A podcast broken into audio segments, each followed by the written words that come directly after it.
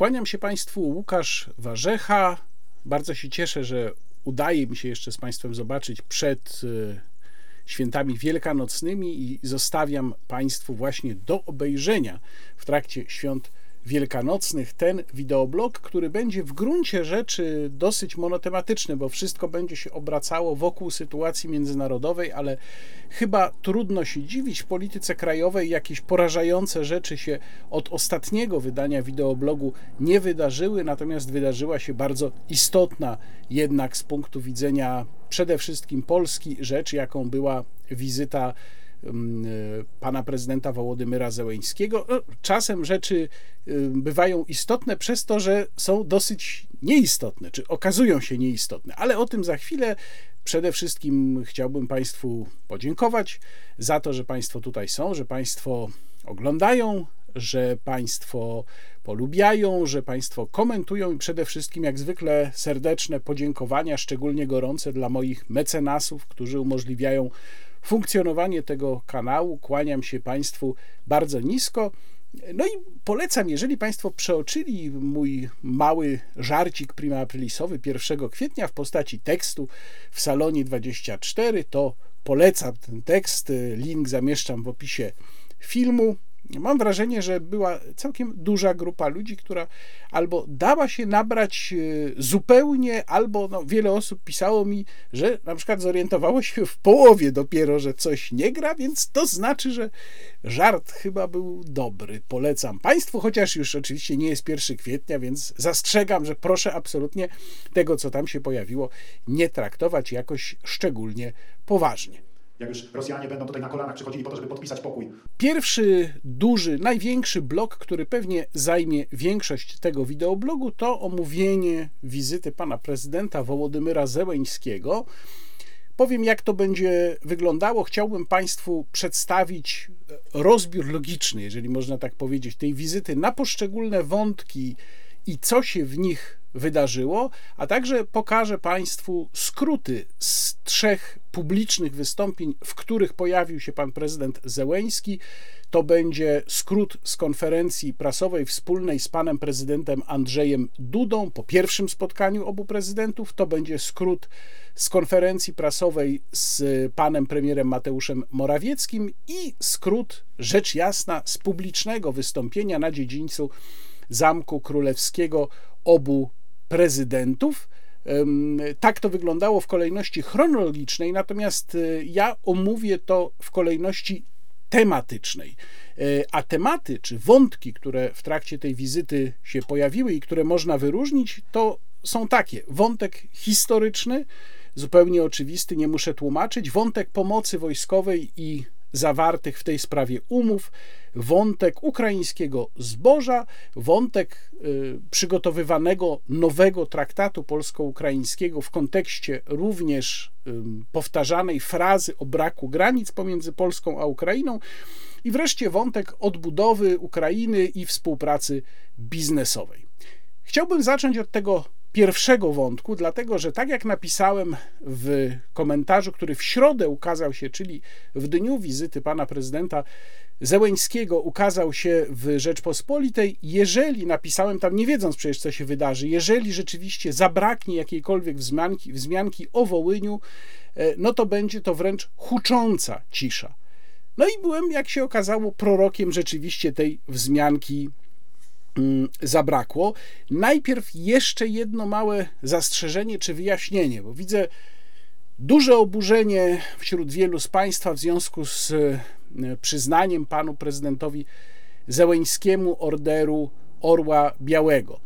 To może rzeczywiście niektórych oburzać, ja to rozumiem. Natomiast miejmy tę świadomość, że przyznawanie orderu Orła Białego mm, głowom państw, na ogół głowom państw, ale także szefom rządów czasem, krajów, które mają dobre, no ewentualnie szczególnie dobre stosunki z Polską, jest standardową praktyką. Robili to wszyscy prezydenci, począwszy od momentu, kiedy insygnia Orderu Orła Białego w 1993 roku powróciły do Polski, więc robił to i Lech Wałęsa, i Aleksander Kwaśniewski, i Lech Kaczyński, i robi to również pan prezydent Andrzej Duda. Jakby państwo spojrzeli na listę e, osób, przywódców odznaczonych orderem Orła Białego, to naprawdę można się zdziwić, bo to są często osoby, o których my w ogóle nawet nie wiemy, że istnieją. Ja już pomijam kwestię jakichś ich ewentualnych zasług dla Polski, tak jak na przykład prezydent Macedonii Północnej,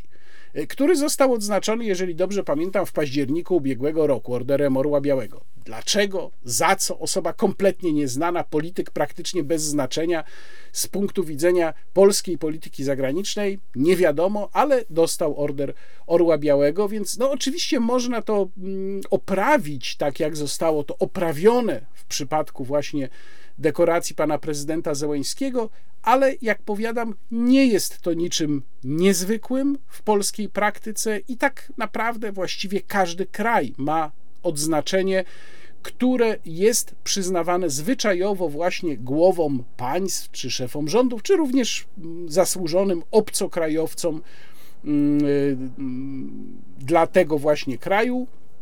Przy czym w przypadku głów państw i szefów rządów zwykle nie chodzi tutaj właśnie o jakieś wybitne osobiste zasługi, tylko na ogół po prostu o to, że relacje z tym krajem są nawet nie wyjątkowo dobre, po prostu dobre.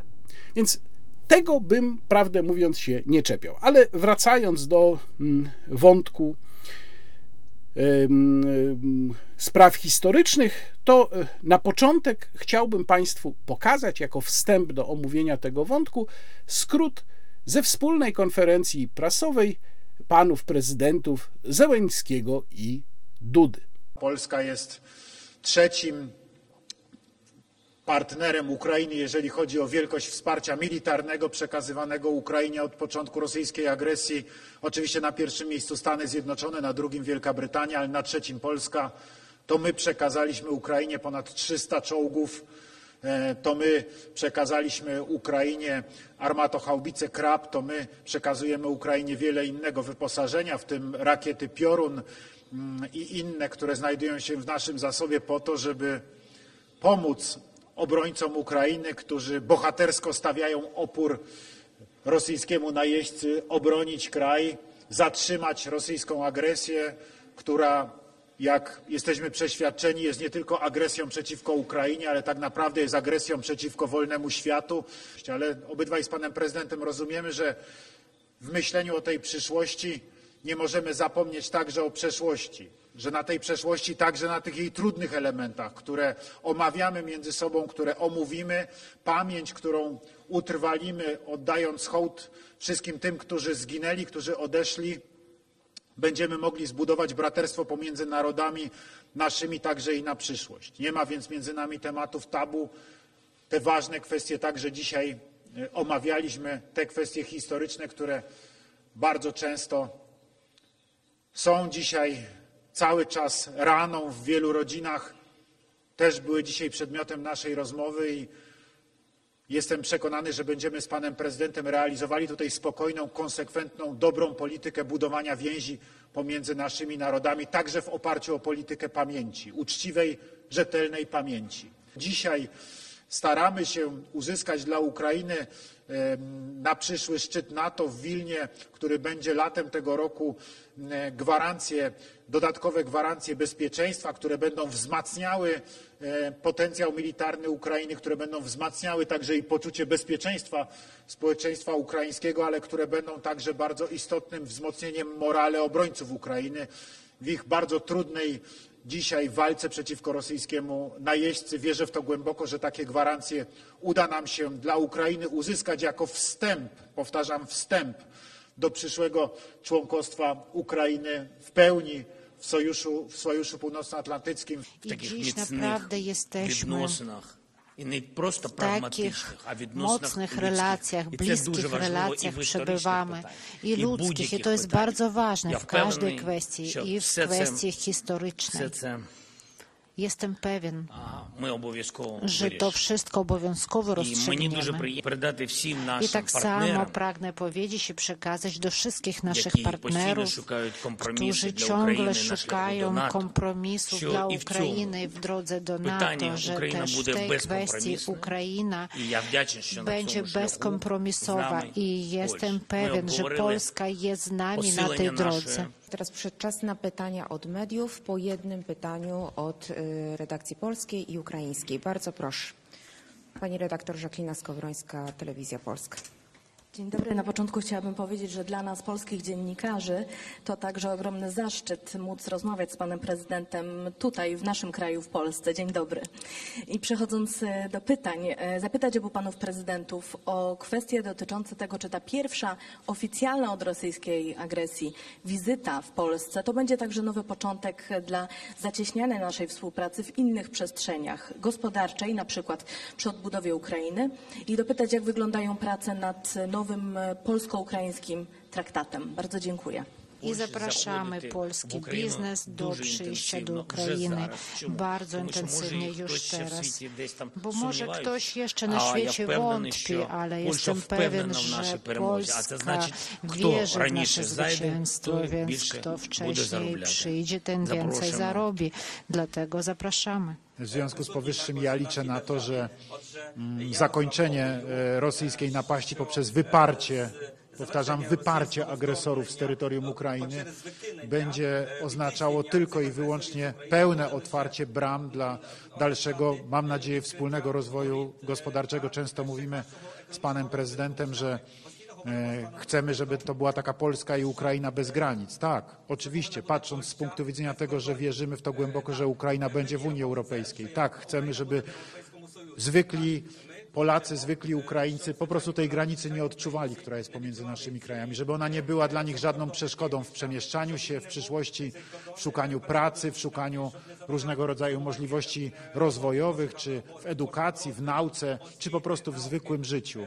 Ona oczywiście będzie granicą w znaczeniu politycznym, ona oczywiście będzie jakąś tam granicą w znaczeniu geograficznym, ale przede wszystkim chcemy, żebyśmy mieli dwa dobrze współpracujące ze sobą kraje, dobrze współpracujące przede wszystkim poprzez wspólnotę narodów.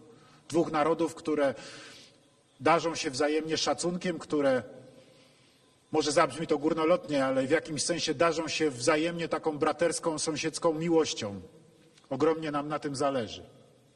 Myślę, że cała nasza historia, kiedy się nad nią głębiej zastanowić, woła właśnie o taką przyjaźń, miłość i o to, żeby nasze narody dobrze żyły ze sobą, współpracując i tworząc razem efekt synergii rozwojowej, bo mamy ku temu ogromny potencjał i to jest dla nas wielka szansa dzisiaj, żeby ją wykorzystać. Jedyna w swoim rodzaju szansa, która stworzyła się dzięki temu, że oba nasze narody tak bardzo mocno otwarły się na siebie nawzajem, że zaufali nam nasi sąsiedzi z Ukrainy, a my otworzyliśmy przed nimi swoje domy, za co ja moim rodakom nigdy nie przestanę być wdzięczny. Jeszcze raz wszystkim za to ogromnie dziękuję. Nad nowym traktatem pracujemy w tej chwili.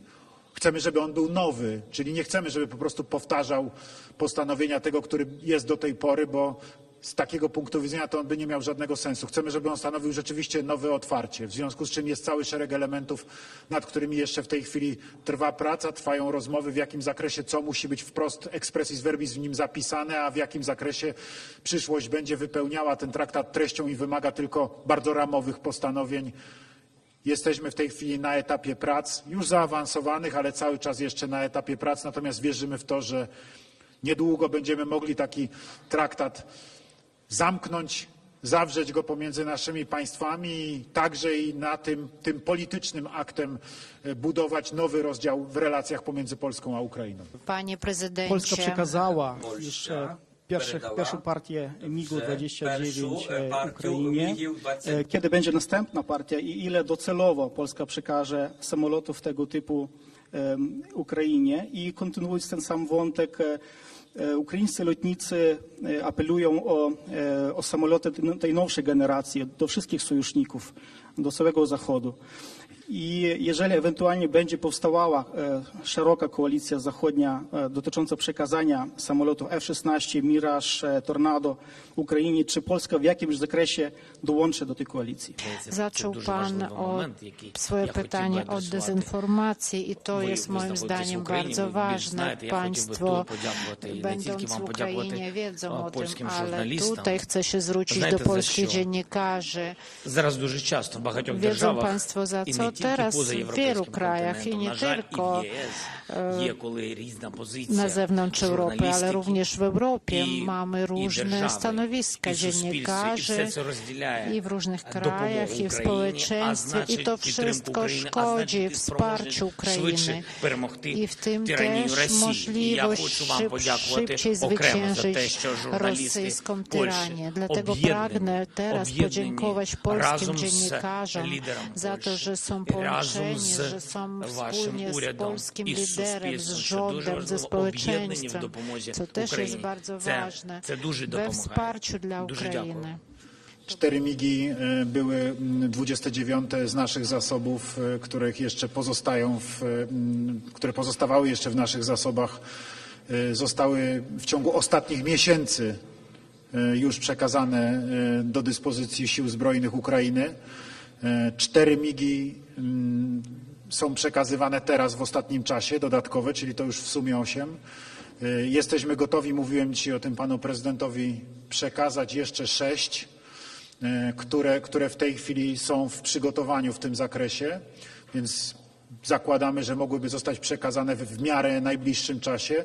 Natomiast w naszej dyspozycji pozostają jeszcze migi, które e, przeszły modernizację i są dzisiaj dostosowane do standardów NATO, przede wszystkim jeżeli chodzi o łączność i kwestie związane z tym, aby mogły wykonywać na przykład misję air policing w ramach Sojuszu Północnoatlantyckiego. E, te migi będą nam jeszcze na razie potrzebne, natomiast w momencie, w którym będą one stopniowo luzowane poprzez nowe samoloty przychodzące do naszej dyspozycji, e, zarówno spośród tych FA-50, które zostały zamówione w Korei Południowej, których dostawy do Polski rozpoczną się w tym roku, jak i w niedługim czasie mamy nadzieję samoloty F-35. Sądzę, że w przyszłości będziemy w stanie przekazać całą naszą pozostałą jeszcze flotę MiGów-29 Ukrainie, jeżeli będzie jeszcze taka potrzeba. Natomiast e, no, trzeba mieć świadomość tego, że w zakresie przekazania tych, które dzisiaj wykonują misję w zakresie air policing będzie wymagana zgoda sojuszników, no przede wszystkim Stanów Zjednoczonych, albowiem e, po modernizacji mają one wyposażenie które ze Stanów Zjednoczonych pochodzi, które zostało w Stanach Zjednoczonych przez amerykańskie firmy wyprodukowane, służące łączności natowskiej chociażby. E, i, i w związku z tym e, pewne formalności dodatkowe będą musiały tutaj być spełnione. Tutaj warto zwrócić uwagę na wypowiedź pana prezydenta Zełęńskiego, który powiedział, że no, różne opinie dziennikarzy i komentatorów pojawiają się w różnych krajach w Europie i one nie służą sprawie ukraińskiej, a w Polsce to jest tak fajnie, bo wszyscy dziennikarze popierają. No, muszę powiedzieć, że bardzo mnie to uderzyło, wziąwszy pod uwagę, że na Ukrainie no, jest jednak bardzo poważny w tej chwili problem z jakąkolwiek wolnością słowa czy wolnością polityczną. To jest kwestia, która nawiasem mówiąc jest sprytnie tak omijana przez polskich rządzących. Ja jestem w stanie oczywiście to zrozumieć, bo to jest kraj w czasie wojny, więc tam wprowadzono specjalne regulacje, ale zawsze takie regulacje no, mają dwie strony. Z jednej strony rzeczywiście mogą być konieczne w czasie konfliktu zbrojnego, z drugiej strony one jednak uderzają w wolności obywatelskie i zawsze jest pytanie, czy zostaną zniesione w momencie, kiedy ten konflikt się zakończy. Bo może być też tak, że stan pewnej, no powiedziałbym, gotowości do wznowienia tego konfliktu spowoduje, że rząd w Kijowie nie będzie taki chętny, żeby w przyszłości też te ograniczenia znieść. Więc no, ten zachwyt pana prezydenta Zełańskiego nad tym, że polskie media wszystkie na jedną nutę mówią, był prawdę mówiąc zastanawiający, nawet powiedziałbym, że trochę niesmaczny. A teraz mówiąc już o, o samej kwestii Wołynia, zbrodni wołyńskiej i tego, co z tym zrobić. Po pierwsze, ja bym chciał podkreślić to, co wielokrotnie już mówiłem. Nie jestem zwolennikiem wiązania kwestii Wołynia z, e, ze sprawami pomocy dla Ukrainy czy bieżącej współpracy. To znaczy, że nie jestem zwolennikiem tego, żeby uzależnić jedno od drugiego, powiedzieć, jak nie pokajacie się za Wołyń, to odcinamy wam pomoc. I zawsze to mówiłem, to nie jest nic nowego. Myślę, że ci z Państwa, którzy moją publicystykę śledzą, doskonale znają to stanowisko. To nie znaczy, że nie powinniśmy być w tej sprawie asertywni, a nie jesteśmy. Co do tego nie mam żadnych wątpliwości, ale zaraz jeszcze rozłożymy to na czynniki pierwsze. Przypominam, że 11 lipca tego roku minie mm, rocznica Krwawej Niedzieli, 80. równa rocznica Krwawej Niedzieli i wszystko wskazuje na to, że władza nie ma za bardzo pomysłu, jak do tej rocznicy podejść. Mm, podczas konferencji prasowej, którą państwu, z której skrót Państwu pokazałem, pan prezydent Andrzej Duda odstawiał po prostu nieprawdopodobne fikołki, byle nie użyć słowa Wołyń. Ja muszę powiedzieć, że czegoś takiego naprawdę dawno, dawno nie słyszałem. Wygląda to tak, jakby słowo Wołyń, przynajmniej w części polskich elit, stało się takim słowem tabu, jakim kiedyś było słowo Katyń. Kiedyś nie można było w PRL-u użyć słowa Katyń, teraz nie można użyć słowa Wołyń. Tu jest jeszcze jeden smaczek w tej sprawie. Otóż pan prezydent tu wspominał dosyć enigmatycznie o jakichś gwarancjach bezpieczeństwa, o które będzie walczył e, dla Ukrainy, gwarancjach bezpieczeństwa, o które będzie walczył w czasie e, szczytu NATO w Wilnie w tym roku. Po pierwsze, można by zapytać, o jakie gwarancje bezpieczeństwa chodzi. I tutaj po raz pierwszy, ale nie po raz ostatni w tym podsumowaniu i w tym wideoblogu pojawia się temat trzymania bardzo wielu rzeczy w sekrecie przed obywatelami.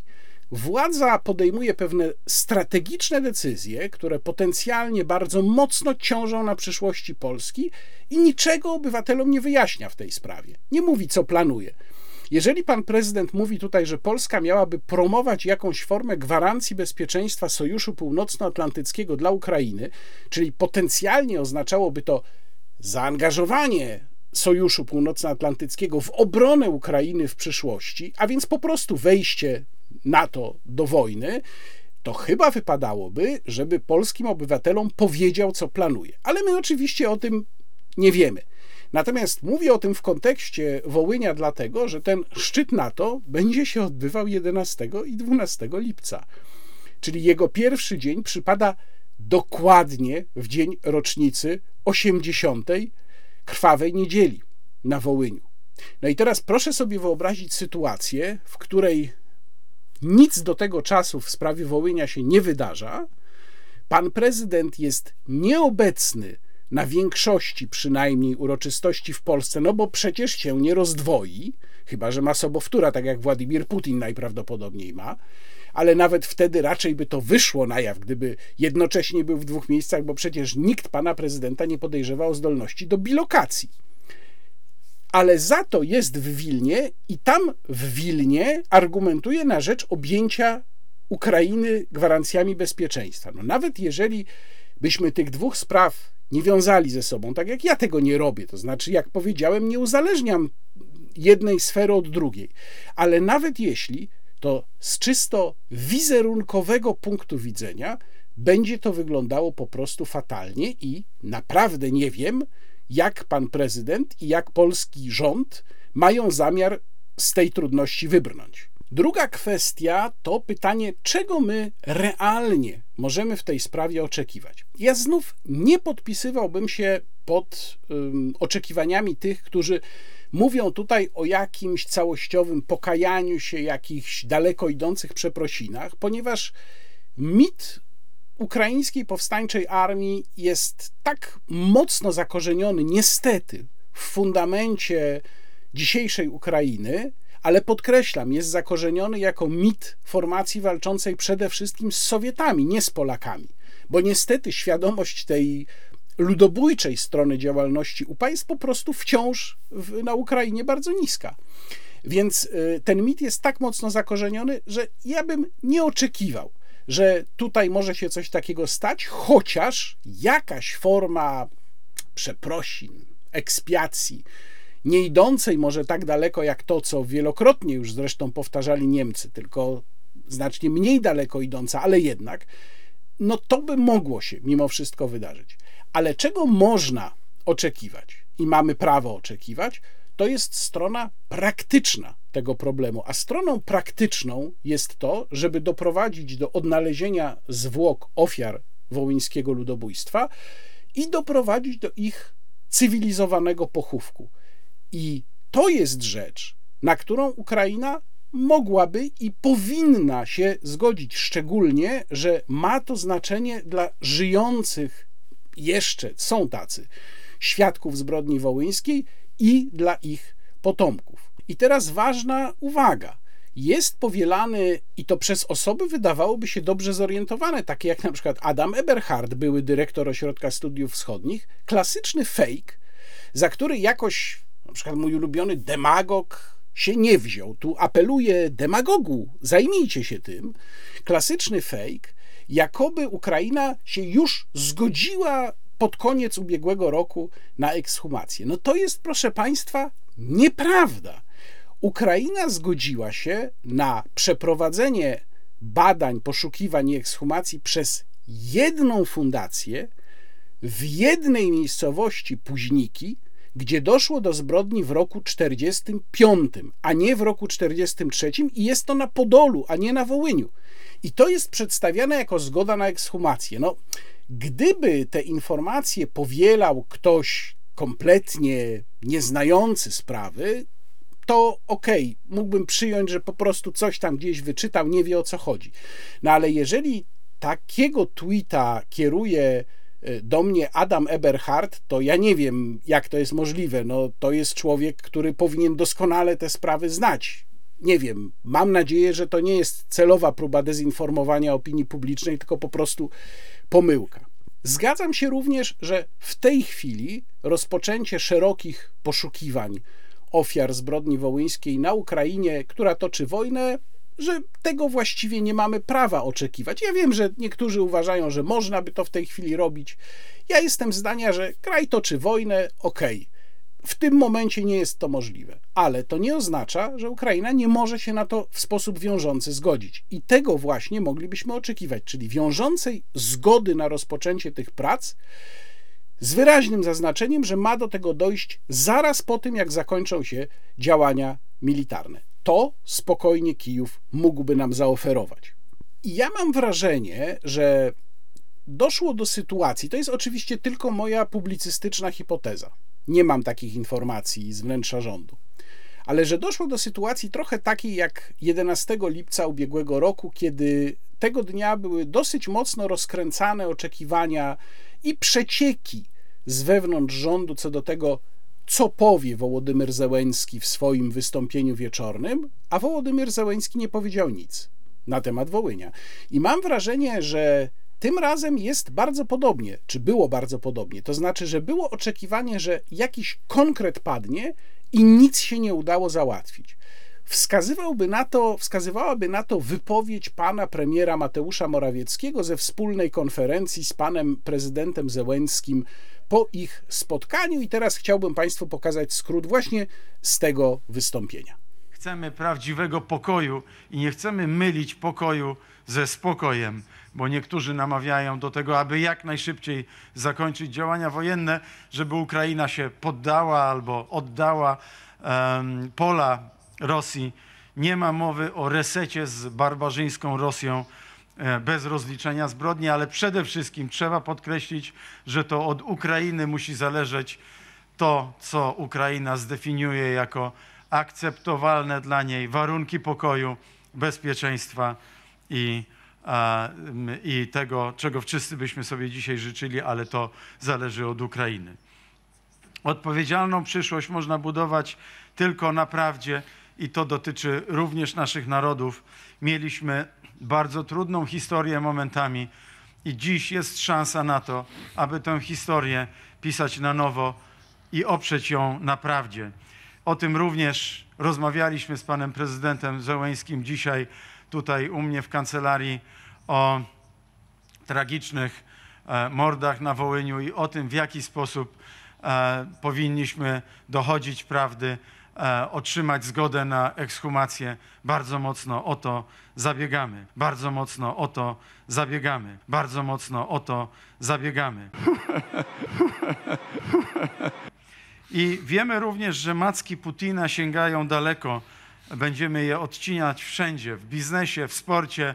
Nie chcemy, żeby rosyjscy sportowcy brali udział w zawodach sportowych.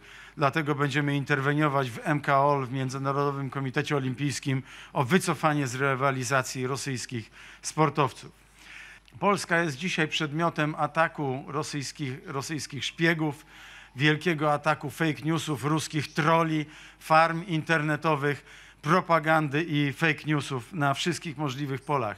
Mm, nasze służby monitorują wzmożony ruch dezinformacji w mediach społecznościowych, w e, opinii publicznej, w prasie. E, też rozmawialiśmy o tym w, razem z panem prezydentem, bo tam na Kremlu na pewno liczą przede wszystkim na to, że będziemy skłóceni. Dlatego apeluję także do moich rodaków, do wszystkich Polaków. Bądźcie czujni, bądźcie ostrożni, uważajcie na tą ruską, wredną propagandę. Nie dajmy się podzielić, bo dzisiaj e, ukraińscy żołnierze bohatersko walczą za naszą i waszą wolność. Ale nie ominęliśmy też trudnego dzisiaj Polaku, dla Polaków tematu zupełnie niezwiązanego z, z tą walką bardzo mm, dramatyczną i bohaterską, mianowicie z problemami, które mamy na rynku polskim z ukraińskim zbożem, z ukraińskimi towarami rolnymi. Rozmawialiśmy również o tym, y, zaproponowaliśmy sobie nawzajem pewne rozwiązania, które szybko muszą być wdrożone, ponieważ jest e, dzisiaj też ewidentne, że e, te problemy sprawiają nam dzisiaj bardzo e, potężny ból głowy. I już o tym pan premier powiedział. Omówiliśmy też sprawę pytania sprawy, w sprawie naszych rolników, rolników ukraińskich, rolników polskich. Znaleźliśmy wyjście. Uważam, że w najbliższe dni, tygodnie już będzie ostateczne rozwiązanie wszelkich e, spraw, bo nie mogą powstawać e, problemy, nie może być trudności między tak bliskimi partnerami i faktycznymi przyjaciółmi jak Polska i Ukraina. Proszę zauważyć, że pan premier, mówiąc o Wołyniu, używa tam takiej frazy, bardzo mocno na to naciskamy. Tłumacząc z dyplomatycznego języka na polski, oznacza to mniej więcej tyle, co nie jesteśmy w stanie się dogadać. E, w trakcie całej tej wizyty Y, to jedynie pan premier Morawiecki użył w tym kontekście raz słowa Wołyń. Ono tylko tam padło, natomiast we wszystkich wystąpieniach pan prezydent Zełenski w ogóle oczywiście nie nawiązał do żadnego konkretu. Gdzieś tam się prześlizgiwał tylko bardzo delikatnie, mówiąc o jakichś sprawach historycznych bez najmniejszego konkretu, także właściwie mogło chodzić o cokolwiek, bo przecież tych problemów historycznych z Ukrainą czy z Ukraińcami mieliśmy w naszej historii dużo. Oni z nami zresztą również mieli swoje problemy. Natomiast no, trudno oczekiwać, żeby gość się odniósł do sprawy, jeżeli gospodarz się w ogóle do niej nie odnosi. Jeżeli chodzi o ten fragment konferencji wspólnej, który Państwu pokazałem, to myślę, że warto tutaj też zauważyć, że no tak jakby następuje taka delikatna, bardzo delikatna, ale jednak zauważalna zmiana tonu, jeżeli chodzi o finał konfliktu, bo pan premier tutaj powiedział, że od Ukrainy powinno zależeć, na co się zgodzi. To oczywiście nadal jest bardzo daleko idące stanowisko, ale to już by wskazywało na to, że być może Warszawa zaczęła uwzględniać sytuację, w której trzeba się będzie zgodzić na trudny kompromis, tylko wskazuje na to, że ten kompromis musiałby mieć akceptację Kijowa. No i wreszcie chciałbym Państwu teraz pokazać skrót z wystąpień publicznych pana prezydenta Andrzeja Dudy i pana prezydenta Zełeńskiego. Tak jak i w poprzednich skrótach, tak i tutaj, a proszę pamiętać, że to jest wystąpienie do ogółu, to nie jest konferencja prasowa. Ten skrót ma nie tylko na celu pokazanie tych konkretnych momentów, choć te starałem się przede wszystkim wyłowić, ale również pokazanie Państwu pewnej atmosfery tych wystąpień. Proszę zobaczyć, proszę posłuchać.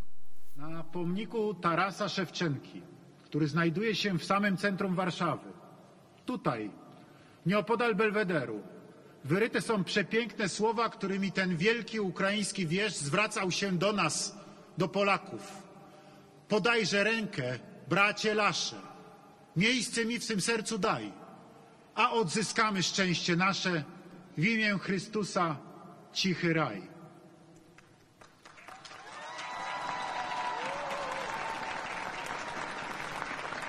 Właśnie teraz na naszych oczach spełnia się to proroctwo wielkiego ukraińskiego poety. W godzinie próby my, Polacy, podaliśmy naszym braciom rękę w potrzebie. Otworzyliśmy swoje serca i natychmiast pospieszyliśmy z pomocą, przyjmując uciekających przed wojną sąsiadów do swoich domów, pomagając w transporcie, organizując zbiórki i akcje charytatywne przekazując dary i przewożąc je na Ukrainę. Nie byłoby Solidarności, nie byłoby upadku komunizmu, nie byłoby odzyskania wolności bez Ojca Świętego Jana Pawła II. Trzy dni temu, trzy dni temu obchodziliśmy rocznicę jego odejścia do domu Ojca. Był nie tylko wielkim papieżem, był nie tylko największym Polakiem w historii. Był także wielkim orędownikiem pokoju i pojednania polsko-ukraińskiego. Mówił o tym w Lwowie podczas swojej historycznej pielgrzymki na Ukrainę. Jeszcze raz przypomnę jego słowa. Czas już oderwać się od tej bolesnej przeszłości. Niech przebaczenie udzielone i uzyskane rozleje się niczym dobroczynny balsam w każdym sercu. Niech dzięki oczyszczeniu pamięci historycznej wszyscy będą gotowi stawiać wyżej to, co jednoczy, niż to, co dzieli, ażeby razem budować przyszłość opartą na wzajemnym szacunku, na braterskiej wspólnocie i braterskiej współpracy i autentycznej solidarności. A my jesteśmy wielkimi narodami. My, Polacy i Ukraińcy. Mamy wielką historię, wielką kulturę ale mamy też i wielką, wspaniałą przyszłość. Dlatego nie boimy się rozmów nawet o najtrudniejszych tematach w naszej historii. Pokazaliśmy to, panie prezydencie, naszą wspólną wizytą w Lwowie na cmentarzu Orląt Lwowskich i Strzelców Siczowych. W oparciu o prawdę, o wzajemne zaufanie będziemy budować relacje pomiędzy naszymi narodami. Polaków i Ukraińców łączy wiele wieków wspólnej historii wspaniałej, ale w wielu momentach także i ogromnie trudnej, niezwykle bolesnej. Popełniliśmy wzajemnie wiele błędów, za które zapłaciliśmy dramatycznie wysoką cenę. We are all friends now, eh? A porn cocktail. All in the market together. Old differences forgotten and no need at all to mention the war. Zaborcy i okupanci nieraz próbowali nas skłócić, skierować przeciwko sobie w myśl zasady dziel i rządź. Dziś także próbują. Dziś także próbują, strasząc Polaków Ukraińcami i Ukraińców Polakami. Ale ja głęboko wierzę i nie mam żadnych wątpliwości, że to im się nie uda. Dlatego wspólnie z tego miejsca wysyłamy dziś jasny przekaz do Moskwy, na Kreml. Nie uda wam się nas skłócić, nie uda wam się nas podzielić nigdy więcej. W wielu krajach po ponad 400 dniach wojny narasta zmęczenie narasta znużenie i zniechęcenie. Pojawia się podsycana też przez rosyjską propagandę i dezinformację pokusa, żeby za wszelką cenę doprowadzić do jak najszybszego zawieszenia broni, a w konsekwencji do zawarcia niekorzystnego dla Ukrainy pokoju z Rosją, który w gruncie rzeczy będzie polegał na tym, że Rosja będzie nadal zajmowała ukraińskie ziemie, które teraz okupuje. Nie ma na to naszej zgody polityka ustępstw.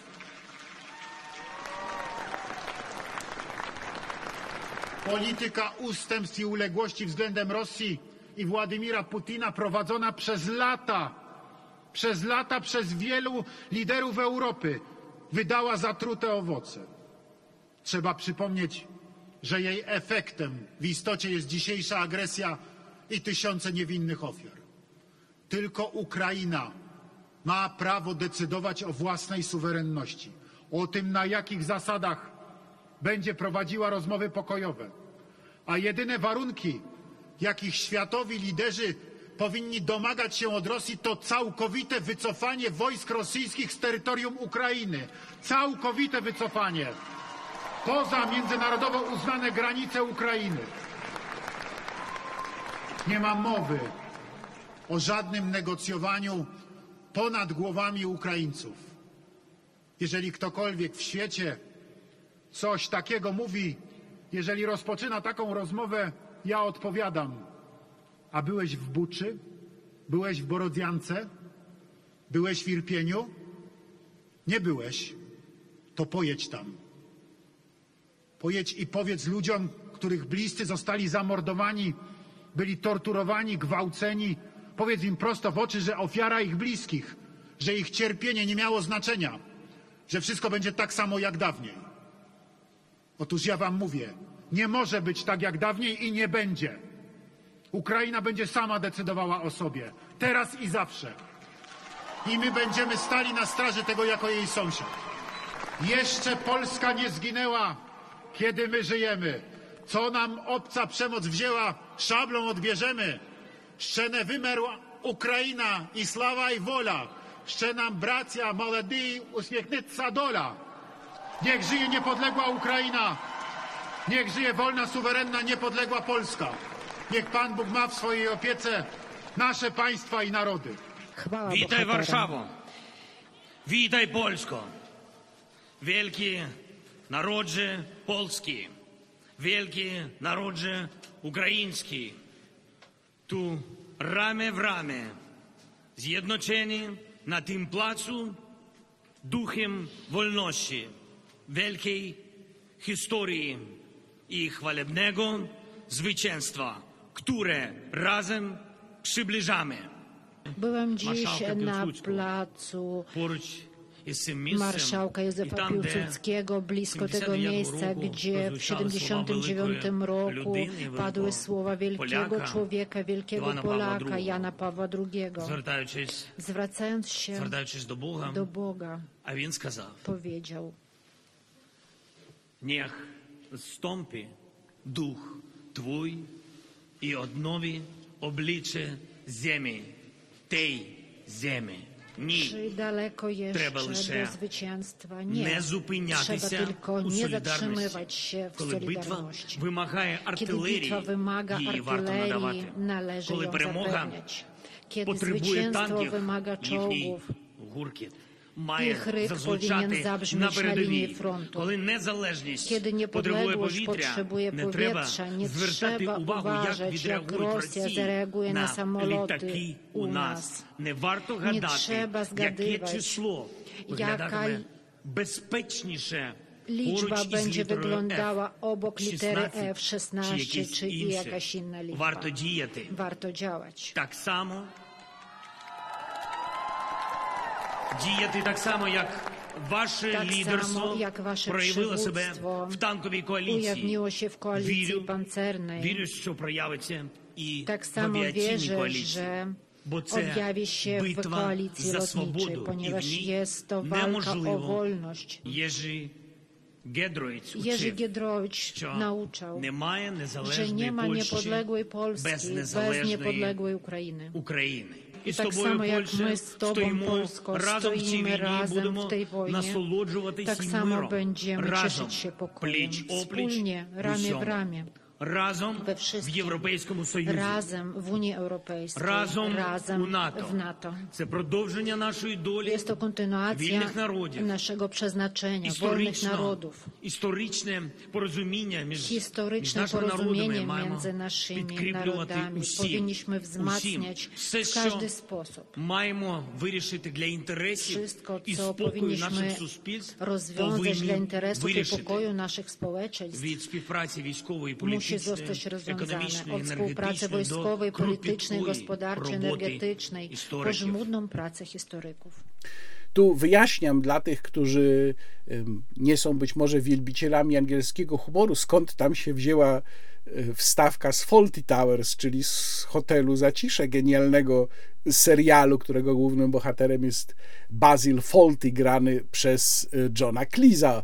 Oczywiście, no to jest kultowy odcinek Don't Mention the War, czyli ten, w którym niemieccy goście przyjeżdżają do hotelu Zacisze, a Basil Fawlty wie, że no nie powinien absolutnie wspominać przy nich o wojnie i oczywiście cały czas o tej wojnie wspomina. Natomiast no, wstawiłem to z oczywistych powodów, bo znów tutaj pan prezydent zachowywał się trochę jak Basil Fawlty, tylko że Fawlty w końcu ciągle robił te aluzje do wojny, a pan prezydent tutaj tak jakby stał na tej mównicy i cały czas tam w głowie miał don't mention the war, don't mention the war. Tak to mniej więcej brzmiało. E, jeżeli chodzi o wystąpienie pana prezydenta Zełeńskiego, z którego tutaj pokazałem no, zaledwie kilka minut, to ono było rzeczywiście bardzo zręczne. Było pełne pustosłowia, czyli podziękowań na różne sposoby odmienianych. W gruncie rzeczy nie było w tym kompletnie nic nowego. E, były fragmenty, które pan prezydent Zełenski wygłaszał po polsku. No to też była metoda na to, żeby wziąć e, Polaków pod włos. Jak mówię, bardzo umiejętnie wygłoszone i skomponowane. A jak być może Państwo wychwycili, jedynym miejscem, gdzie tutaj cokolwiek zostało powiedziane, co mogłoby nawiązywać do kwestii Wołynia, to był ten moment, kiedy pan prezydent Zełęński powiedział o żmudnej pracy historyków. I to było wszystko, nic kompletnie poza tym. Natomiast wystąpienie pana prezydenta Andrzeja Dudy w tym konkretnym aspekcie, czyli w kwestii y, pamięci historycznej, no muszę powiedzieć jednak uważam za po prostu skandaliczne. Co się w nim znalazło? Pan prezydent poświęcił no, dwa akapity z tego wystąpienia tej sprawie i ym, po prostu zastosował swego rodzaju moralny szantaż ponieważ przede wszystkim uciekł się do cytatu z Jana Pawła II. No wiadomo, że to ma również w Polsce kontekst polityczny. To samo zresztą przecież zrobił pan prezydent Zełenski. Myślę, że to nie był przypadek, że się nagle odwołał do Jana Pawła II, jeszcze cytując go po polsku. To samo oczywiście w przypadku pana prezydenta Andrzeja Dudy, ale pan prezydent Andrzej Duda wziął cytat z homilii Jana Pawła II z 26 czerwca 2001 roku z jego wizyty na Ukrainie. Wtedy papież był najpierw w Kijowie, potem w Lwowie. To był cytat z homilii wygłoszonej w Lwowie i zastosował ten cytat jako swego rodzaju szantaż wobec Polaków, że powinni tamte sprawy gdzieś zakopać, zmieść pod dywan. I takie zastosowanie tego cytatu to jest oczywiście nadużycie. Dlatego ja bym chciał Państwu teraz e, puścić e, fragment tej homilii Jana Pawła II, właśnie ten, w którym padają te słowa, żebyście Państwo wychwycili szerszy kontekst tego, co wtedy powiedział Jan Paweł II. Błogosławiony arcybiskup Józef Wilczewski został konsekrowany przez kardynała Jana Puzynę, biskupa krakowskiego. Obok niego stali jako współkonsekrujący błogosławiony Józef Sebastian Pelczar, biskup przemyski i sługa Boży Andrzej Szeptycki, arcybiskup grekokatolicki. Czyż nie było to wydarzenie niezwykłe? Duch Święty sprawił wówczas, że spotkali się trzej wielcy pasterze, z których dwaj zostali już ogłoszeni błogosławionymi, a trzeci, jak Bóg da, dostąpi tego w przyszłości. Ta ziemia prawdziwie zasłużyła na to, ażeby ujrzeć ich razem, gdy dokonywali uroczystego aktu ustanowienia kolejnego następcy apostołów. Zasłużyła, aby zobaczyć ich zjednoczonych, ażeby zobaczyć ich zjednoczonych. Ich jedność pozostaje znakiem i wezwaniem dla wiernych należących do owczarni każdego z nich, którzy za ich przykładem mają budować komunię, wspólnotę zagrożoną przez pamięć o wydarzeniach przeszłości i przez uprzedzenia wyrosłe w nacjonalizm.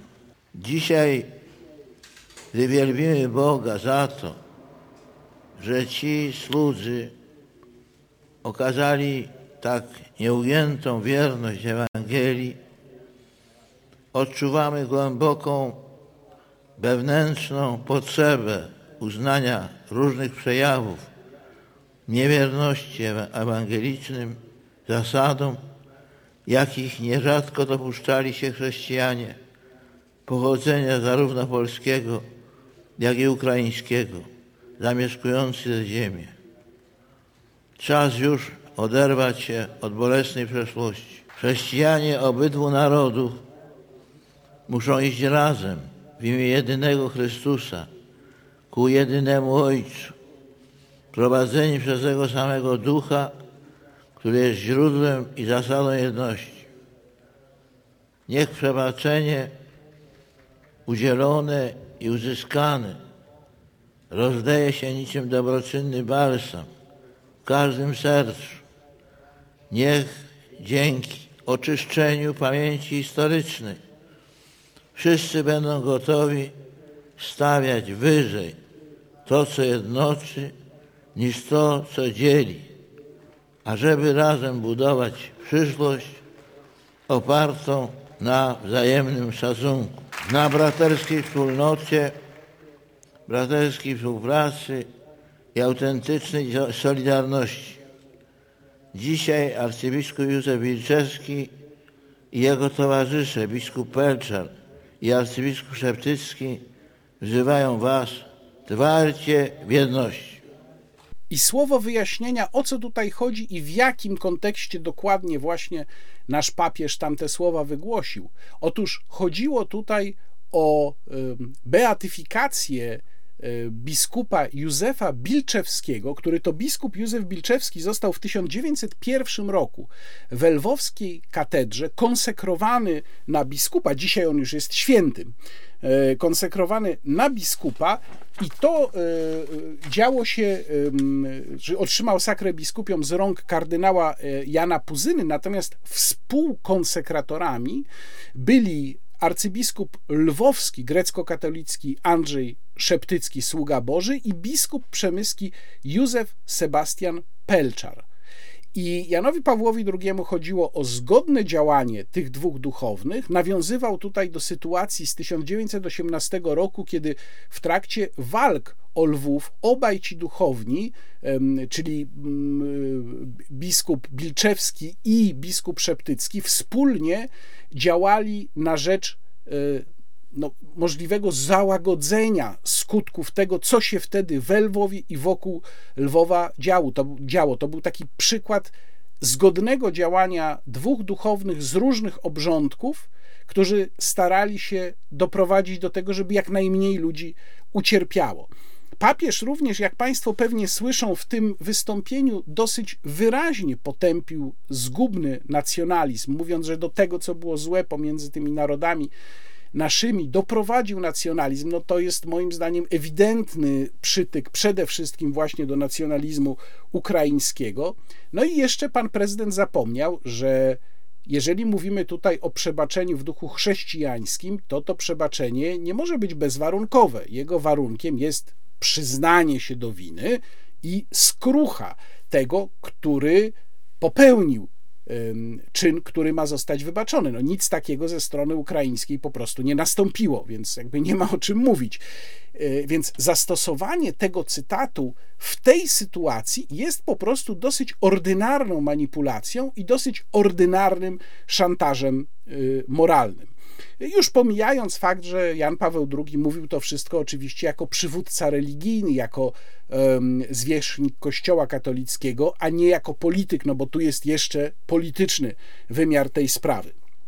I dalej w swojej wypowiedzi pan prezydent wspomniał, że Rosja chce nas podzielić i my się nie pozwolimy podzielić. No to był taki drugi element tego szantażu, czyli prawda, don't mention the war, don't mention Wołyń, bo jak będziesz wspominał o Wołyniu, to będziesz ruską onucą. No mniej więcej do tego się to mm, niestety sprowadza. E, w tym wystąpieniu pan prezydent również użył takiej frazy, czy, czy, czy wskazał, że mm, warunki pokoju powinny zależeć od Ukrainy, czyli to jest powtórzenie tego, co powiedział Mateusz Morawiecki, ale jednocześnie znów bardzo mocno podkreślił ten maksymalistyczny kurs polskiej polityki, mówiąc, że pokój musi oznaczać całkowite wyparcie Rosji ze wszystkich terytoriów e, ukraińskich, czyli należy to rozumieć łącznie z Krymem. Czyli w praktyce to jest ograniczenie Polsce pola manewru, ponieważ Polska się podpisuje i bardzo mocno głowa polskiego państwa to cały czas podkreśla, tylko pod jednym możliwym wariantem zakończenia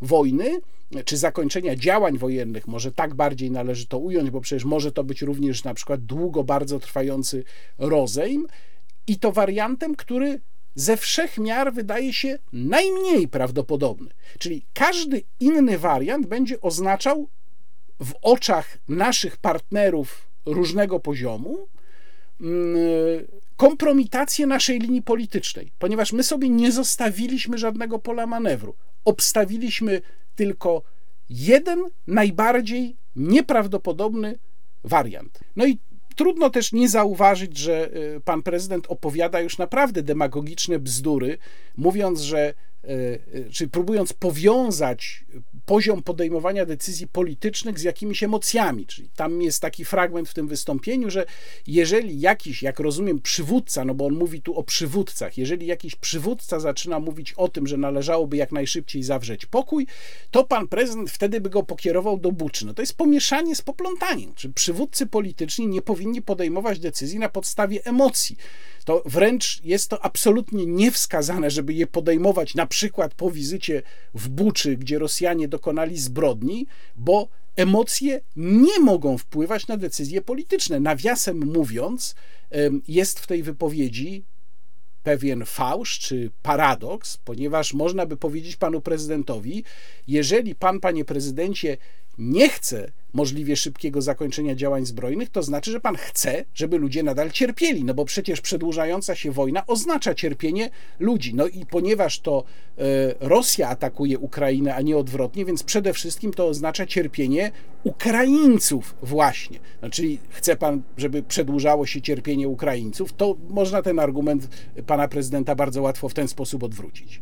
Tyle, jeżeli chodzi o wątek dotyczący Wołynia. Podsumowując go, mogę tylko powiedzieć, że widać chyba dosyć wyraźnie, że PiS nie ma, e, PiS, pan prezydent Andrzej Duda nie mają żadnego pomysłu na to, jak ten wątek zakończyć, e, jak go doprowadzić do finału. Będą mieli w lipcu bardzo poważny z tym problem. Moim zdaniem będzie to sprzyjało e, wzrastaniu w siłę Oczywiście nie mówimy tutaj o poziomach typu 10 mm, czy nawet 5 punktów procentowych, ale już powiedzmy półtora punktu, dwa punkty Konfederacji mogą przybyć w związku z taką e, nachalną polityką przemilczania, bo to przemilczanie Wołynia jest po prostu aż nachalne przez um, polskie władze i niemożnością, ewidentną niemożnością dogadania się z Kijowem w tej sprawie.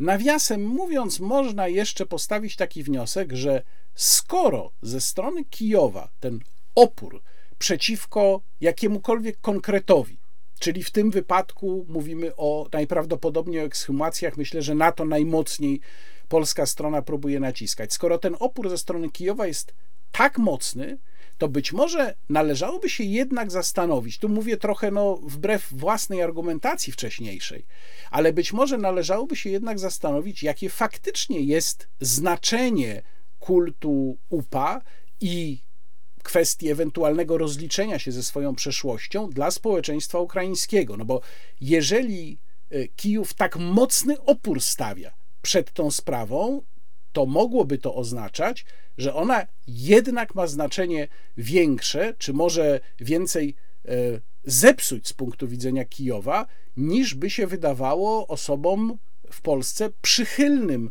Ukrainie i Kijowowi. No, jak mówię, trochę tu kwestionuję własną wcześniejszą argumentację, ale to dlatego, że ten ewidentny opór ze strony rządu pana prezydenta Zełeńskiego w tej sprawie zaczyna mi się wydawać no, mocno zastanawiający. Jak już Rosjanie będą tutaj na kolanach przychodzili po to, żeby podpisać pokój. Teraz pozostałe y, wątki wizyty zacznijmy od wątku wojskowego. Podpisaliśmy umowy na sprzedaż polskiego sprzętu. Podkreślam tutaj sprzedaż. Bardzo dobrze, że tego sprzętu nie oddajemy już, tylko go sprzedajemy. To jest między innymi 150 sztuk e, transporterów e, kołowych Rosomak. Ja uważam, że bardzo dobrze, że sprzedajemy polski sprzęt za granicę, natomiast jest pytanie, czy, i, i to nie zostało wyjaśnione w żaden sposób, czy produkcja na rzecz Ukrainy nie oznacza, że tej produkcji nie będzie dla polskiej armii, co powinno być oczywiście priorytetem. Ja tego nie wiem, stawiam pytanie, ale stawiam to pytanie dlatego, że polski rząd z tej sprawy również się w żaden sposób obywatelom nie tłumaczy. Nie mamy żadnych wyliczeń, nic nie wiemy tak naprawdę. To są sprawy dosyć zasadnicze, które w żaden sposób nie są nam wyjaśniane. No i wreszcie niezwykle ważne pytanie, czyli kto za to zapłaci i kiedy, bo przecież tutaj mówimy o grubych dziesiątkach miliardów złotych. Jedyne wyjaśnienie, jakie w tej sprawie padło, jakie ja przynajmniej słyszałem, to była wypowiedź pana Piotra Millera, rzecznika rządu, który kilka dni przed wizytą prezydenta Zełenskiego, zapytany o tę sprawę, powiedział, że będzie to taka, tu cytuję, łączona inżynieria finansowa, co w ogóle zabrzmiało dosyć słabo, ponieważ pojęcie inżynierii finansowej w języku polskim no, ma takie, powiedziałbym, średnio pozytywne znaczenie. Ale panu rzecznikowi Millerowi chodziło tutaj o połączenie funduszy ukraińskich, amerykańskich i unijnych, czyli tego funduszu na rzecz pokoju. Pomijam już tutaj sprawę, że przecież na unijny fundusz Polska też się składa, czyli poniekąd w jakiejś części sami będziemy sobie płacić za ten sprzęt, który przekażemy Ukrainie. Ale przede wszystkim my znów nie znamy żadnych szczegółów. To znaczy, kiedy te pieniądze mogą do nas wpłynąć? To znaczy, jakie to będą sumy? Czy ta sprzedaż jest na zasadach w pełni komercyjnych, to znaczy, czy polskie zakłady dostaną za to tyle, ile by dostały, sprzedając ten sprzęt na wolnym rynku. Znów to są kwestie, o których rząd powinien uczciwie obywateli poinformować, a my poza jakimiś ogólnikami nic kompletnie w tej sprawie nie wiemy. Natomiast jeden jest w tym niewątpliwy pozytyw, to znaczy to, że polski przemysł obronny no, dostaje w ten sposób naprawdę dobrą i darmową w gruncie rzeczy reklamę. Znaczy darmową, ona oczywiście nie jest darmowa, natomiast darmowa w sensie samej reklamy, czyli za reklamę sensu stricto nie płacimy. E, to już widzimy na przykładzie krabów i mam nadzieję, że z tym kolejnym sprzętem, który na Ukrainę popłynie, będzie dokładnie to samo. No i jeszcze warto odnotować, że w trakcie swojego wystąpienia na Zamku Królewskim, co się znalazło w tym fragmencie, który Państwu e, pokazałem, pan prezydent Zełenski wspominał o samolotach, mówił o, jak to tłumacze ujmowali, koalicji awiacyjnej, czyli no po polsku bardziej koalicji lotniczej i mówił, że nie należy patrzeć, czy to tam są MiGi-29 czy F-16, tylko śmiało do przodu wszystko przekazywać. Tu warto odnotować jednak bardziej wstrzemięźliwe stanowisko pana prezydenta Andrzeja Dudy, który w trakcie tej pierwszej konferencji, też to było w skrócie, który państwu puszczałem, powiedział, że no tak, tu przekażemy jeszcze kilka MIGów 29, no ale pozostałe pełnią misję air policing i poza tym są przystosowane do standardów NATO, no więc te to nie tak szybko, jak w miarę jak będziemy dostawać samoloty w ich miejsce, czyli no, z tego wynika, że jakieś tam opamiętanie jednak jest. To nie jest na zasadzie dawania absolutnie wszystkiego, a to, że pan prezydent Zełęński naciska w tej sprawie, no to jest jego prawo i on oczywiście może to robić, będzie to robił, ponieważ on pilnuje interesu swojego państwa. Kolejny wątek tej wizyty to wątek zboża, bardzo duży polityczny problem dla Prawa i Sprawiedliwości. E, jak wiadomo, w tle wizyty został wymieniony minister rolnictwa, pan Henryk Kowalczyk przestał być ministrem rolnictwa, ale pozostał wicepremierem, czyli krzywda mu się nie stała. No i tutaj mamy bardzo enigmatyczne wypowiedzi i ze strony pana prezydenta Zełeńskiego, i ze strony gospodarzy tej wizyty. I no, gdyby ten problem został rozwiązany rzeczywiście, to chyba padłby jakiś konkret. No ale właśnie ten konkret z ich strony nie pada. Natomiast y, pan Telus, nowy minister rolnictwa, powiedział coś, prawdę mówiąc, zadziwiającego w rozmowie z dziennikarzami. To znaczy, powiedział, że teraz to już ukraińskie zboże będzie tylko jechało przez Polskę tranzytem, Czyli można zrozumieć, że poprzednio, mimo że zapowiedzi rządu były takie też przecież od początku, że to tylko będzie tranzyt, to nie zostało to zagwarantowane, czy nie zostało to ujęte w żadnych przepisach. Dopiero teraz będzie nie rozumiem kompletnie dlaczego, i że będą to transporty dobrze monitorowane, czyli te wcześniejsze też nie były dobrze monitorowane. No, muszę powiedzieć, że słuchając tego naprawdę byłem bardzo mocno y, zadziwiony, ale być może należy uznać, że polski rząd celowo zachowywał się do tej pory tak, jak się zachowywał. To znaczy, że po prostu w ramach pomocy Ukrainie uznał, że nie będzie tych transportów pilnował. No bo są tylko dwie hipotezy. Albo pierwsza to jest właśnie ta, że było to celowe działanie, albo druga, że mamy państwo już naprawdę z kompletnie rozmokłego papieru, bo już nawet nie kartonu, które nie było w stanie dopilnować tak w sumie prostej sprawy, jak przejazd ukraińskiego zboża przez Polskę do portu, tak żeby ono gdzieś po drodze się nie rozpływało. Kolejna sprawa, e, no ważniejsza nawet niż to zboże, to jest wątek braku granicy i nowego traktatu. Przede wszystkim e, e, zatrzymajmy się przy sprawie tego traktatu polsko-ukraińskiego, nad którym prace się toczą. Pan prezydent powiedział, że są w jakiś tam sposób już bliskie finału i znów my nic o tym nie wiemy. Nie wiemy, co w tym traktacie ma być, jak on ma daleko iść, jakiego typu postanowienia ma zawierać, mimo że ma to być traktat, jak rozumiem, epokowy, no tak można wywnioskować z tego, co mówi władza, ale nie mówi nic konkretnego. Natomiast no, skoro pan prezydent powiada, że on nie może powtarzać tego, co jest w obecnym traktacie, tylko musi iść dalej, no to znaczy, że tam naprawdę będą jakieś ważne postanowienia. I tutaj może warto przypomnieć, co mówi w tej sprawie artykuł 89 polskiej konstytucji, a mianowicie mówi tak. Ratyfikacja przez Rzeczpospolitą Polską umowy międzynarodowej i jej wypowiedzenie wymaga uprzedniej zgody wyrażonej w ustawie, czyli Sejm musi tę ustawę uchwalić, jeżeli umowa dotyczy pokoju, sojuszy, układów politycznych lub układów wojskowych, wolności, praw lub obowiązków obywatelskich określonych w Konstytucji, członkostwa Rzeczypospolitej Polskiej w organizacji międzynarodowej, znacznego obciążenia państwa pod względem finansowym, spraw uregulowanych w ustawie lub w których Konstytucja wymaga ustawy. No, można założyć, że w tym wypadku najprawdopodobniej może chodzić tutaj przynajmniej o ten punkt pierwszy, czyli że będzie to traktat, który będzie wymagał ratyfikacji ze zgodą Sejmu. Ale co w nim będzie, nie wiemy. E, jeżeli chodzi o kwestię braku granicy, to mieliśmy kilka wypowiedzi, które do tego nawiązywały, i znów były to wypowiedzi kompletnie niekonkretne, rozmyte. No i e, tutaj pan minister Żaryn, mój ulubiony, się uruchomił znowu, że tam rosyjska propaganda wykorzystuje wypowiedzi na temat braku granicy. No to panie Żaryn, jakby te wypowiedzi nie były tak niekonkretne, wieloznaczne i możliwe do różnych interpretacji, tylko wreszcie by pan prezydent Andrzej Duda powiedział jasno, o co mu chodzi, co ma na myśli, to może by też nie tak łatwo było rosyjskiej propagandzie nimi grać.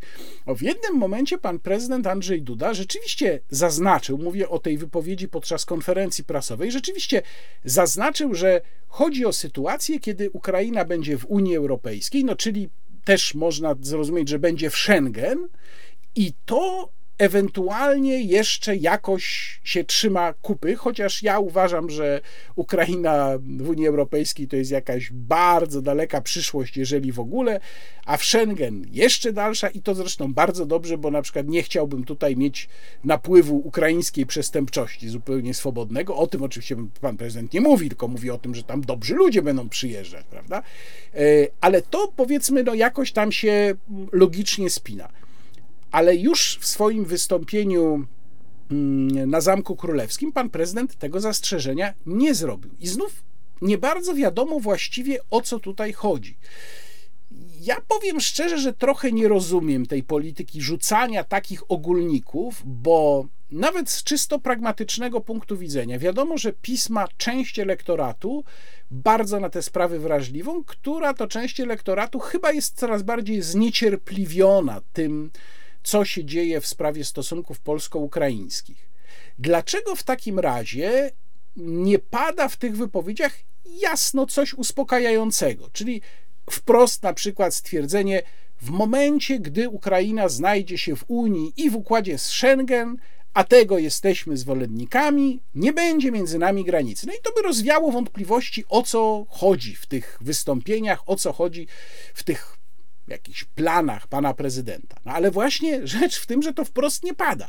I dlatego zaczynają się spekulacje różnego rodzaju, dlatego zaczynają się różne teorie, co to może oznaczać. Więc proszę nie mieć pretensji do ludzi, którzy mm, no, są wrażliwi na tym punkcie, albo do komentatorów, którzy spekulują na ten temat i tworzą swoje teorie, bo po prostu władza nie mówi jasno, co ma na myśli. I wreszcie bardzo ważny wątek, który, jak sądzę, miał sprawić wrażenie konkretu, że z tej wizyty coś konkretnego wynika, czyli wątek współpracy biznesowej. Tutaj polecam Państwu mój świeży tekst y, na forum polskiej gospodarki FPG24, link w opisie filmu.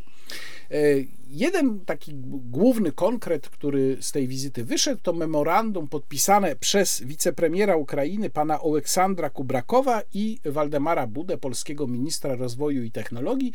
Memorandum o tym, że Ukraina będzie przekazywała na bieżąco Polsce informacje o możliwych inwestycjach w ramach Narodowego Programu Odbudowy Ukrainy. To jest oczywiście bardzo dobrze, żeby ten przepływ informacji był, żeby polski biznes był zorientowany, jakie ma możliwości pracy na Ukrainie, tylko nie miejmy złudzeń, to nie jest jakaś specjalna preferencja. To nie jest jakieś ułatwienie szczególne dla polskich firm, to jest po prostu tylko przepływ informacji.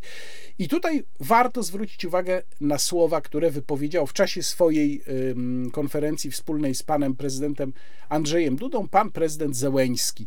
On powiedział: Zapraszamy polski biznes, bo Ukraina wygra, więc zapraszamy już teraz, bo kto pierwszy, ten lepszy.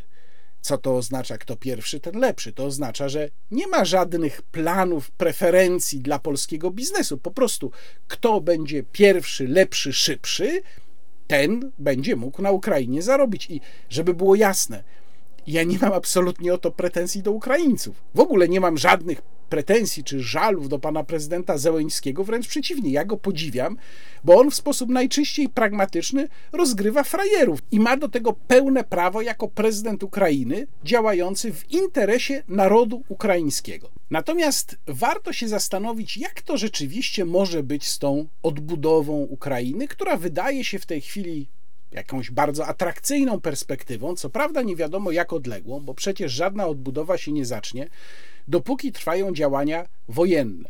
Dlatego trzeba sobie zdawać sprawę z tego, że jeżeli biznes ma zarobić, jeżeli Zachód ma w jakiś sposób zacząć odzyskiwać, zaraz do tego zresztą przejdę, odzyskiwania pieniędzy, odzyskać pieniądze, które w Ukrainę w tej chwili yy, pakuje, no to musi doprowadzić do zakończenia działań zbrojnych. Być może kosztem Ukrainy. No to jest najbardziej prawdopodobny wariant. I tutaj warto uświadomić sobie, e, ile pieniędzy już Zachód wpakował w Ukrainę, co też pokazuje nam, do jakiego stopnia Ukraina jest właściwie państwem upadłym gospodarczo, bo bez tej pomocy po prostu państwo ukraińskie przestałoby funkcjonować, zapadłoby się.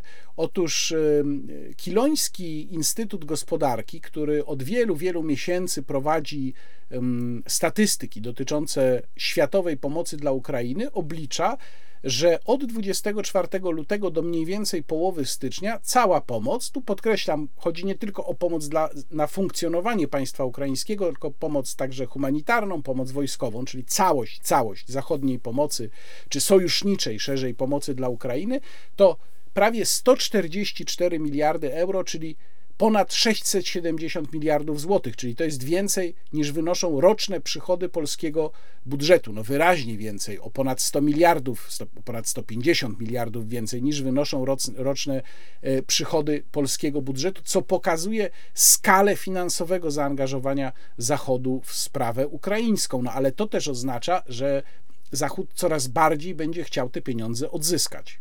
Więc jeżeli dojdzie do jakiegoś zakończenia walk i to będzie zakończenie walk kosztem Ukrainy, terytorialnym kosztem Ukrainy, co uważam za e, no, najbardziej prawdopodobny scenariusz, to być może też będzie oznaczało, że jakaś część Donbasu pozostanie pod kontrolą e, rosyjską, a przypominam, że to jest właśnie ten obszar, w którym e, działania na rzecz odbudowy Ukrainy miała prowadzić zgodnie z ustaleniami konferencji w Monachium zeszłorocznej, miała prowadzić Polska, ale też trzeba mieć świadomość, że im bliżej granicy z Rosją, e, to tym większe będą koszty działania na rzecz odbudowy, czy w ogóle działania zagranicznych firm na Ukrainie, ze względu na koszt ubezpieczenia.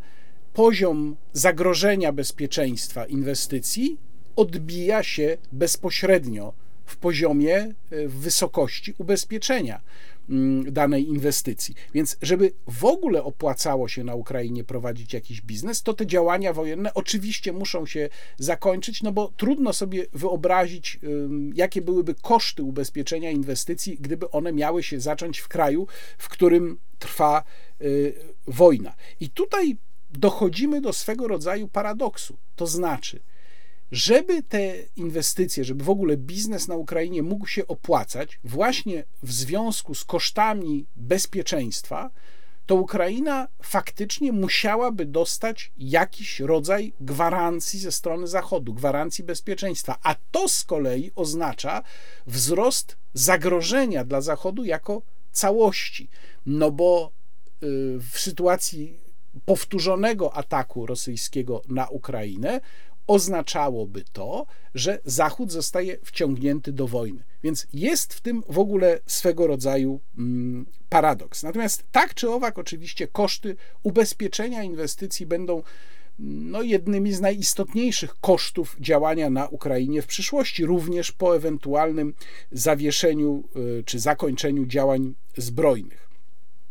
Skoro Ukraina jest bankrutem, bo tak no, trzeba to wprost powiedzieć, bez pomocy y, z Zachodu ona by nie istniała finansowo, to znaczy również, że po zakończeniu działań zbrojnych nie będzie miała pieniędzy na to, żeby je wyłożyć na swoją własną odbudowę. To jest zupełnie jasne, te pieniądze będą musiały pochodzić z innych źródeł i do tych źródeł nie będzie należała Polska, bo nasza sytuacja finansowa jest powiedzmy mm, mocno średnia i jesteśmy na krawędzi recesji, tylko te źródła finansowania odbudowy Ukrainy to będą Niemcy, to będą pewnie w jakimś stopniu Chiny, to będą Stany Zjednoczone, to będzie Francja, Unia Europejska jako całość również.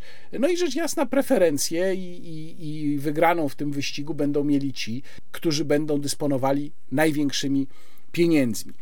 Kluczowe w tej sprawie będzie kredytowanie. Bez kredytu nie da się tam zacząć, w związku z tym brakiem funduszy samej Ukrainy, nie da się tam zacząć działać. No i tutaj znów Polska e, będzie w słabej sytuacji, bo jakie niby polskie instytucje miałyby na tę skalę udzielić kredytów polskim firmom, a przecież chyba nikt nie ma wątpliwości, że jeżeli kredytów będą udzielały banki, czy to niemieckie, czy amerykańskie, czy francuskie, no to jest jasne, że będą ich udzielały przede wszystkim firmom niemieckim, amerykańskim i francuskim, a nie polskim. I w tej grze sentymentów nie będzie, bo Kijów nie ma sentymentów i bardzo zresztą dobrze dla Kijowa. Kijów po prostu gra od początku tej wojny zresztą twardą grę opartą na dobrym rozumieniu własnego interesu.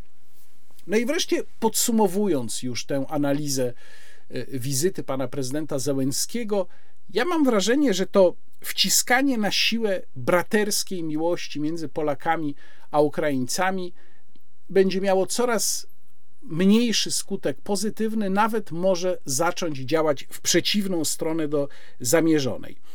Myślę, że ta wizyta pana prezydenta Zełeńskiego odbyła się również dlatego, że PiS zdaje sobie sprawę z tego, że ten um, sentyment, ten entuzjazm bardzo mocno siada również wśród ich własnego elektoratu.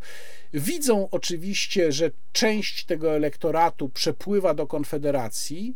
Ja nie sądzę, żeby z powodu kwestii ukraińskiej to był jakiś dramatyczny przepływ na poziomie, nie wiem, powiedzmy pięciu punktów, ale tutaj liczą się nawet pojedyncze punkty procentowe. Więc być może było tak, że założono sobie, że ta wizyta trochę naprawi sytuację, a być może też założono, że jednak będzie tam coś o Wołyniu ze strony ukraińskiej, że uda się ją do tego nakłonić przed tą wizytą. I to będzie mocny argument dla Prawa i Sprawiedliwości za kontynuacją dotychczasowej polityki. To się ewidentnie nie udało, nic z tego nie wyszło. Pytanie, czy jeszcze wyjdzie przed 11 lipca.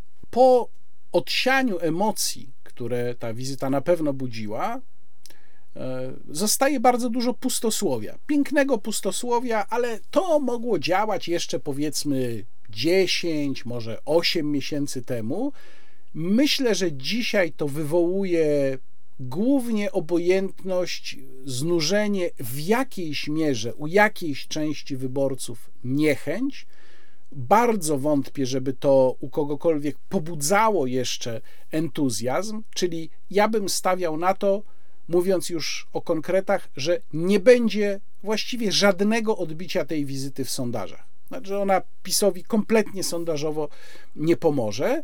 E, natomiast mam wrażenie, że PiS w tej sprawie wpadł w klasyczną polityczną pułapkę, która polega na tym, że jeżeli się zbyt wiele zainwestuje w jakiś skrajny wariant rozwoju sytuacji, w jakiś skrajny scenariusz, to potem z czasem coraz trudniej się z niego wycofać, bo coraz mocniej by to oznaczało zaprzeczenie własnej linii i utratę wiarygodności. Dlatego właśnie w polityce nie opłaca się inwestować w skrajne scenariusze. Jak już Rosjanie będą tutaj na kolanach przychodzili po to, żeby podpisać pokój. Teraz opowiem Państwu o sprawie, o której w polskich mediach bardzo mało się mówiło. Została przykryta właśnie wizytą Wołodymyra Zełęńskiego w Warszawie no, czyli w dużej mierze pustosłowie przykryło coś ważnego, jak to często zresztą w polskich mediach bywa. Mówię tutaj o wizycie pana prezydenta Emmanuela Macrona i pani przewodniczącej Ursuli von der Leyen w Pekinie.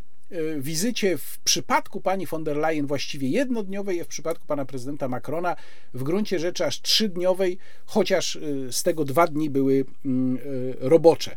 Mm, jeszcze w, właśnie w piątek pan prezydent Macron był w Guangzhou w towarzystwie Xi Jinpinga. Tam się spotkał ze studentami, przez których został w ogóle bardzo entuzjastycznie przyjęty. No, z takich ciekawostek mogę powiedzieć, że w pierwszym dniu wizyty, czyli robocze, roboczym dniu, czyli w czwartek, panu prezydentowi Macronowi jeszcze udało się zirytować przewodniczącego Xi, ponieważ w czasie wspólnej konferencji prasowej pan prezydent Macron wygłaszał jakieś strasznie długie e, frazy, no dłuższe niż gospodarz, co e, w dyplomacji jest uznawane za nieeleganckie.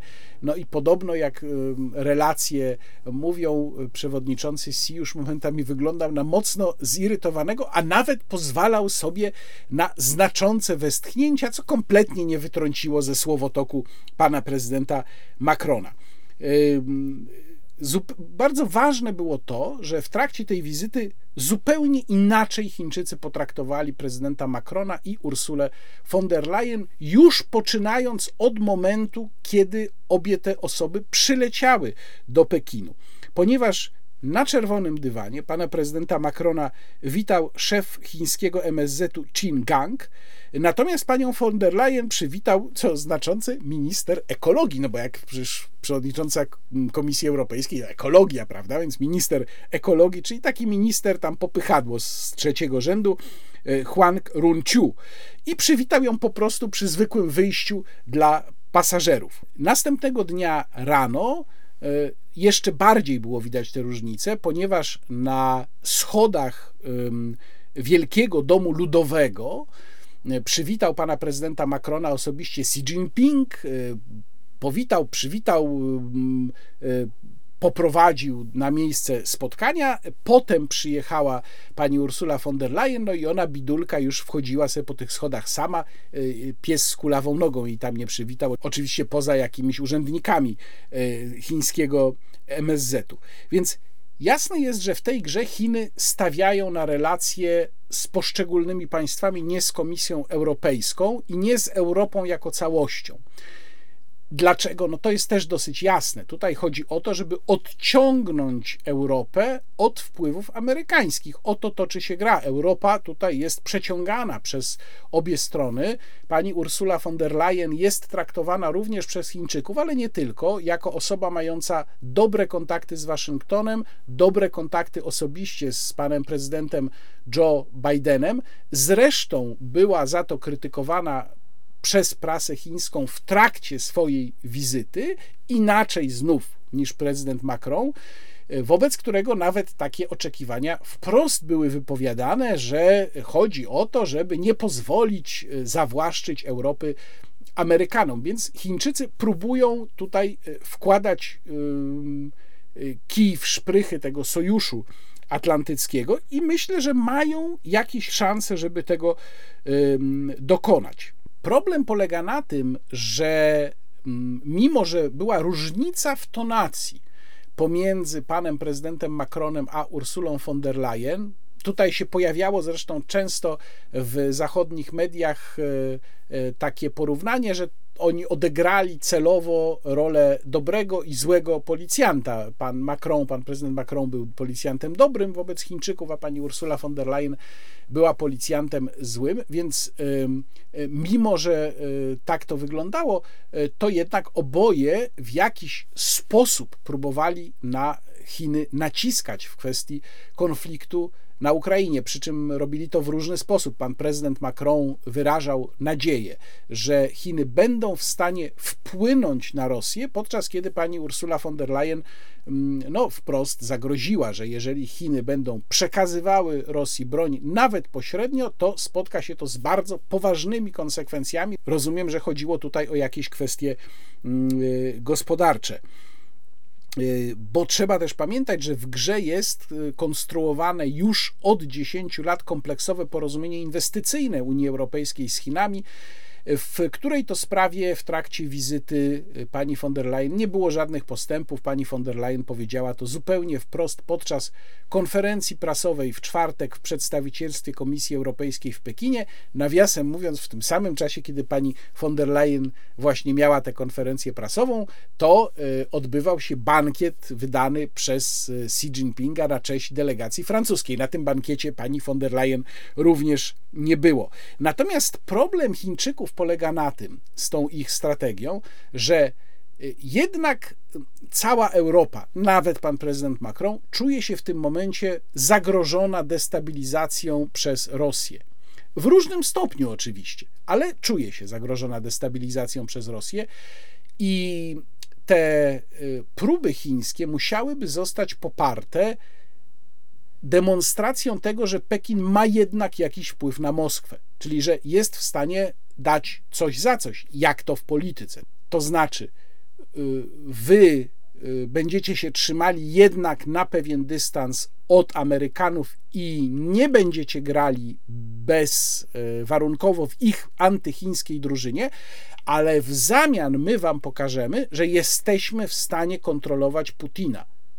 No, na razie nic takiego się nie wydarzyło, poza pewnymi ogólnikami które się zresztą również znalazły w ponad 50-punktowym wspólnym oświadczeniu francusko-chińskim, które zostało na koniec tej wizyty podpisane, co samo w sobie zresztą jest dosyć znaczące. Tam e, jest fragment dotyczący wojny na Ukrainie, który Państwu za chwilę przeczytam, a brzmi on tak. Obie strony wspierają wszelkie wysiłki na rzecz przywrócenia pokoju na Ukrainie na bazie prawa międzynarodowego oraz celów i zasad Karty Narodów Zjednoczonych.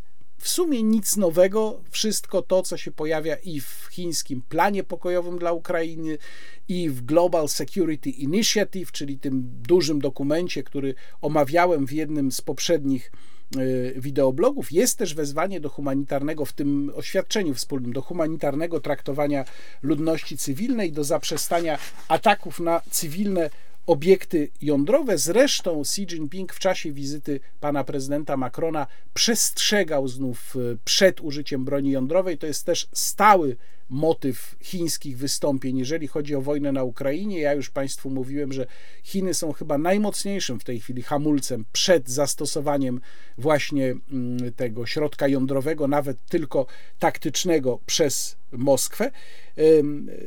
Francja podpisała, czy francuskie firmy i chińskie podpisały, 36 takich firm podpisało porozumienia handlowe, co też pokazuje, że jest pewien konkretny wymiar tej wizyty i że Francja no, nie ma zamiaru uczestniczyć w grze na odcięcie Chin, całkowite odcięcie Chin. Zresztą w ogóle Komisja Europejska, nawet biorąc pod uwagę, czy uwzględniając stanowisko bardziej jastrzębie pani von der Leyen, też no jednak odcina się przed takim ostatecznym wycięciem Chin z tego y, europejskiego mm, y, krajobrazu handlowego, a Chiny są dla Unii Europejskiej no, chyba najważniejszym w tej chwili partnerem handlowym. Więc ta wielka strategiczna gra o przeciąganie Europy e, pomiędzy Stanami Zjednoczonymi a Chinami trwa. Polska niestety w tej grze nie uczestniczy, ponieważ jak to Polska opowiedzieliśmy się za jednym wariantem już dawno temu, nie zostawiliśmy sobie pola manewru. Wiadomo, że my e, gramy niewolniczo w drużynie amerykańskiej, więc tutaj właściwie możemy sobie tylko popatrzeć, jakie tam rzeczy się dzieją. I jeszcze jedna ważna rzecz, która się w czasie tej wizyty pojawiła, wątek niedoszłej jak dotąd rozmowy telefonicznej Xi Jinpinga z Wołodymyrem Zełenskim. No przypomnę, że w trakcie wizyty Xi Jinpinga w Moskwie nawet mm, y, była taka, w pewnym momencie się pojawiła taka możliwość, czy taka plotka, że może nawet Xi Jinping pojedzie do Kijowa. Oczywiście nic takiego się nie stało, ale również do tej rozmowy nie doszło, której bardzo by chciał Wołodymyr Zełęński. Wcale się nie dziwię, no bo z jego punktu widzenia byłaby to bardzo cenna rzecz. Na razie Xi Jinping tej rozmowy unika. Indagowany o tę sprawę miał powiedzieć e, Ursuli von der Leyen, że do rozmowy dojdzie w stosownym momencie, czy w dogodnym momencie, czyli widocznie zdaniem Xi Jinpinga ten moment jeszcze wciąż nie nadszedł jak już Rosjanie będą tutaj na kolanach przychodzili po to, żeby podpisać pokój. To... I ostatnia sprawa, o której dzisiaj Państwu opowiem, to jest przystąpienie Finlandii do Sojuszu Północnoatlantyckiego.